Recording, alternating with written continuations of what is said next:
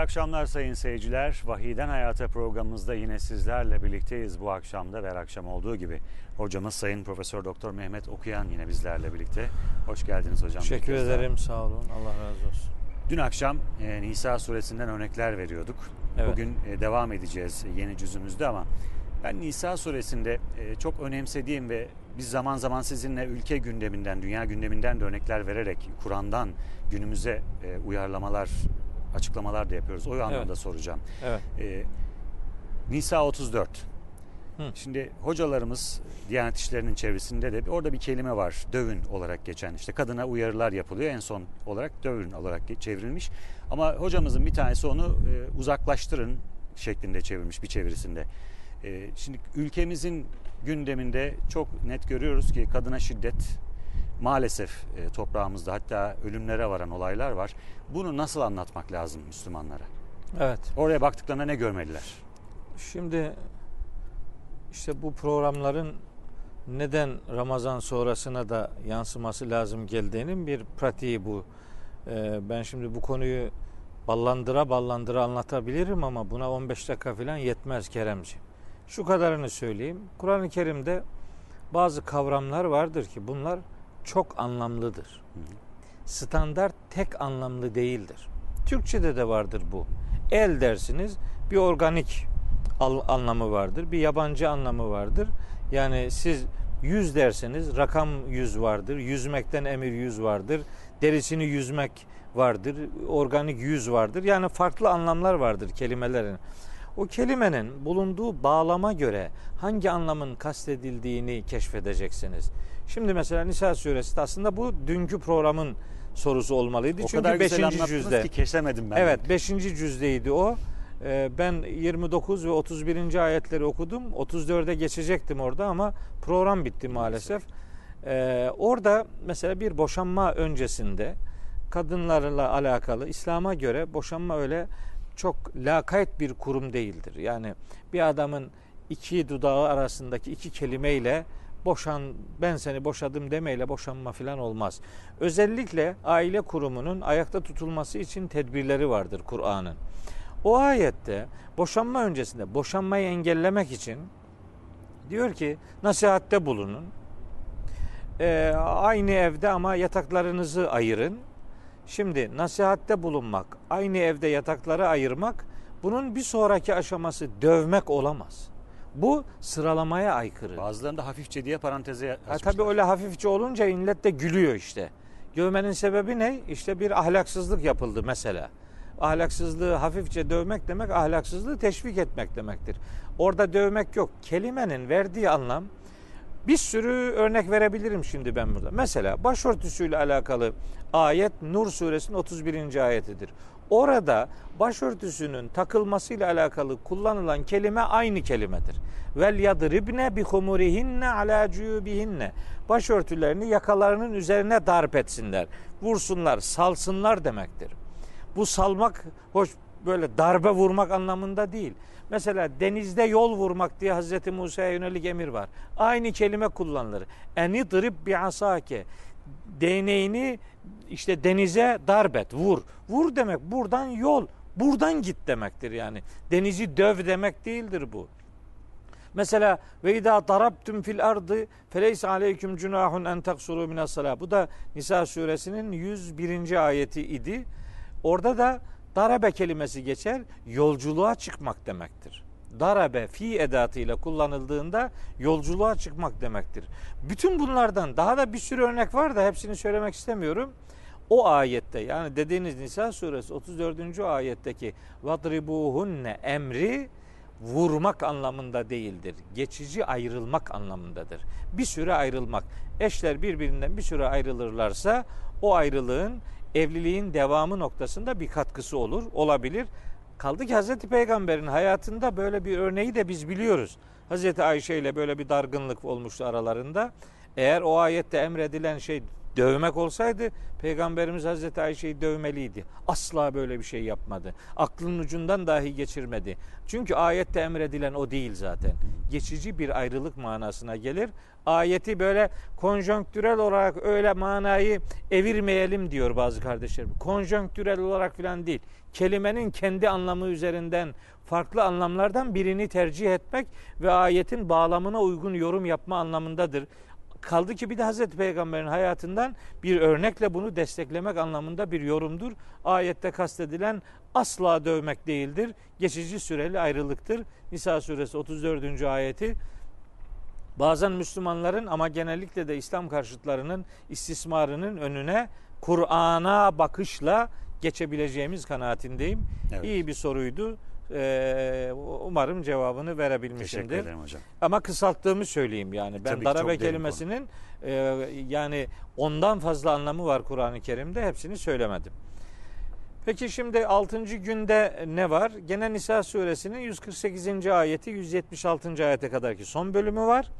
Ondan sonra Maide suresinin tam 70 ayetlik bölümü var. Maide'nin de bir bölümü 7. cüze katıyor, e, kaymış. E, bu Nisa suresinin bu cüzle alakalı bir ayeti var. Çok önemli. Onu mutlaka söylemeliyim. 150 ve 151. ayet. Kardeşlerimden istirham ediyorum. Ne olur can kulağıyla dinlesinler. Bakın Allah bir adamın kafir oluşuyla alakalı nasıl bir e, ayrıntı veriyor. Diyor ki, buyuruyor ki Estağfirullah. İnnellezîne yekfurûne billahi ve rusulihi ve yuridûne en yuferrikû beynallahi ve rusulihi ve yekulûne nu'minu bi ba'din ve nekfuru bi ba'din ve yuridûne en yettehidû beyne zâlike sebîlâ ulaike humul kafirûne hakka. 150 ve 151. ayetler Nisa suresi 6. cüzün ilk sayfası. Buyuruyor ki Rabbimiz Allah'ı ve peygamberlerini inkar edenler. Allah'la peygamberleri arasını ayırmaya çalışanlar. Ben inanılması gereken şeylerin bir kısmına inanırım, bir kısmını inkar ederim diyenler imanla inkar arasında bir yol tutturanlar var ya işte tam kafirler bunlardır. Şimdi bu bugün neyi karşılıyor biliyor musun Kerem kardeşim? Adam diyor ki bu Kur'an'da olabilir ama ben bunu kabul etmiyorum. Hah işte ona kafir diyor Allahu Teala. İman istisna kaldırmaz. Yani bunun yüzde 99'una eyvallah ama yüzde biri problemli. Hayır. Allah'tan gelen şeyin hiçbir noktası problemli olamaz. Problem insanların sunumunda ve algısındadır. Şimdi piyasada din adına anlatılan şeyleri dinleyenler Allah'ın emirleri ve buyrukları zannıyla dinliyorlar. Mertçe, dürüstçe davranıp da bu Allah'ın dediği değil, benim kanaatimdir ifadesini kullanmıyorlar. Önüne gelen aklına estiği gibi savurup duruyor. Dinleyen de Allah böyle diyor zannediyor. Adam da bakıyor ki bu akla uygun değil, mantığa uygun değil. Böyle bir şeyi kabul edemem. Mesela ben birinci program söyleyecektim, söyleyemedim. Ama şimdi sırası geldi söyleyeyim. Korkunç bir yanlışlığa parmak basalım ve Kur'an'a nasıl iftira edildiğine dair bir açılımımız olsun. Buyurun hocam. Hemen Bakara suresi 6. ayet. İnnellezîne keferu sevaun aleyhim e enzertehum em lem tunzirhum la yu'minun. Kafir olanları uyarıp uyarmaman birdir iman etmezler. Hatemallahu ala kulubihim ve ala sem'ihim. Allah onların kalplerini ve mühürlerini çünkü mühürlemiştir. Ya çünkü diye bir şey yok ki orada. Ne çünkü diye eklediğin zaman ayet perişan oluyor. Çünkü olacaksa li ennallaha hateme ala kulubihim demesi lazım. Ayete kimsenin zam yapma, ilave yapma hakkı yok. O ayette onlar kafir olmakta kararlı oldukları için Allah onların kalplerini mühürlemiştir. Kalpleri mühürlendiği için kafir olmadılar. Ama tercümeyi böyle yaparsanız adam başka şey akletmiyor. Mesela şöyle ayetler var. Gene Bakara suresinde vardı söyleyemedim. Ee, işte İbrahim suresinde var. Başka ayetlerde de var. Yudillu men yeşâ'u ve yehdi men yeşâ'u. Tercüme. Allah dilediğini saptırır, dilediğine hidayet eder. Buyur. Allah dilediğini saptırıyor, dilediğine hidayet ediyorsa zaten yapacak bir şey yok ki. Allah senin sapmanı murad etmişse sen kim oluyorsun da ona karşı çıkacaksın? Tabii. O zaman rolünü iyi oynamaktan başka çıkar yolun yok. Sonra da o adamı niye kafir oldu diye cehenneme atsın Allahu Teala? Oysa o ayetin tercümesi öyle değildi. Yanlış yapılıyor bu tercüme. Tercüme şu. Allah isteyeni saptırır, isteyene hidayet eder. Ayetin metni bu. Şimdi bunları duyunca adam diyor ki ben bu kitaba karşıyım. Kitaba değil, tercümeye karşı ol kardeşim. Allah'ın kitabında aklı zorlayan şey olmaz gözünü seveyim. Mesela böyle televizyon e, önündeyiz. Hani senaristlerden bir örnek vereyim. Ha, bu arada tabii Maide suresinden hiçbir ayet okuyamayacağız. Artık bakalım ne olacak. dakikamız kaldı hocam. Ee, senar mesela bir film senaristini düşünün. Senaryoyu hazırlıyor adam. Sonra senaryoya uygun rolleri dağıtıyor. İşte Kerem'e diyor ki sen iyi adam rolündesin. Mehmet'e diyor ki sen kötü adam rolündesin. Filancaya da diyor ki sen mağdur rolündesin. Herkes rolünü çok güzel oynuyor. Sonra galası yapılıyor filmin. Galada kötü adam rolünü iyi oynayana yönetmen diyor ki veya senarist. Sen niye böyle oynadın? Senin ücretini, ödülünü vermiyorum derse böyle bir senarist, böyle bir yönetmen hakşinas bir adam olabilir mi? Böyle istedin, böyle oynadık. İyi oynamanın niye olumsuz bir faturası olsun demez mi adam? Bizim milletimiz şöyle inanıyor. Bizdeki kader inanışı şu. Allah böyle istedi böyle oldu. Aa öyle mi? O zaman niye şunu yapın bunu yapmayın diyor. Niye cennet var, cehennem var? Niye irade var, akıl var, kitap var, peygamber var? Bütün bunların anlamı ne, amacı ne? Bunu sormuyor. Diyor ki Allah benim kaderimi böyle belirledi. Öyle belirlediyse yapacak bir şey yok demektir. Ama Kur'an böyle demiyor. Bakın. Kur'an'a göre senaryoyu Allah yazmıştır. Doğrudur. Ama rolleri dağıtmamıştır. Rolleri tanıtmıştır. Siz istediğiniz rolü tercih edersiniz ve tercihinizin sonucuna katlanırsınız. Şimdi adam rolleri dağıtmaya inandırıldığı için Kur'an'la alakalı şu kadar tereddüt aklına geliyor. Adamların görüşüne karşı çıkalım derken bu defa Kur'an'a karşı çıkıyor. O zaman da karşısına Nisa suresi 150 ve 151. ayet çıkıyor. Allah'ın ayetlerinin hiçbir tanesini kabul etmeme lüksü yoktur bir Müslümanın. Çünkü iman esasları ve Kur'ani hakikatler istisna kaldırmazlar.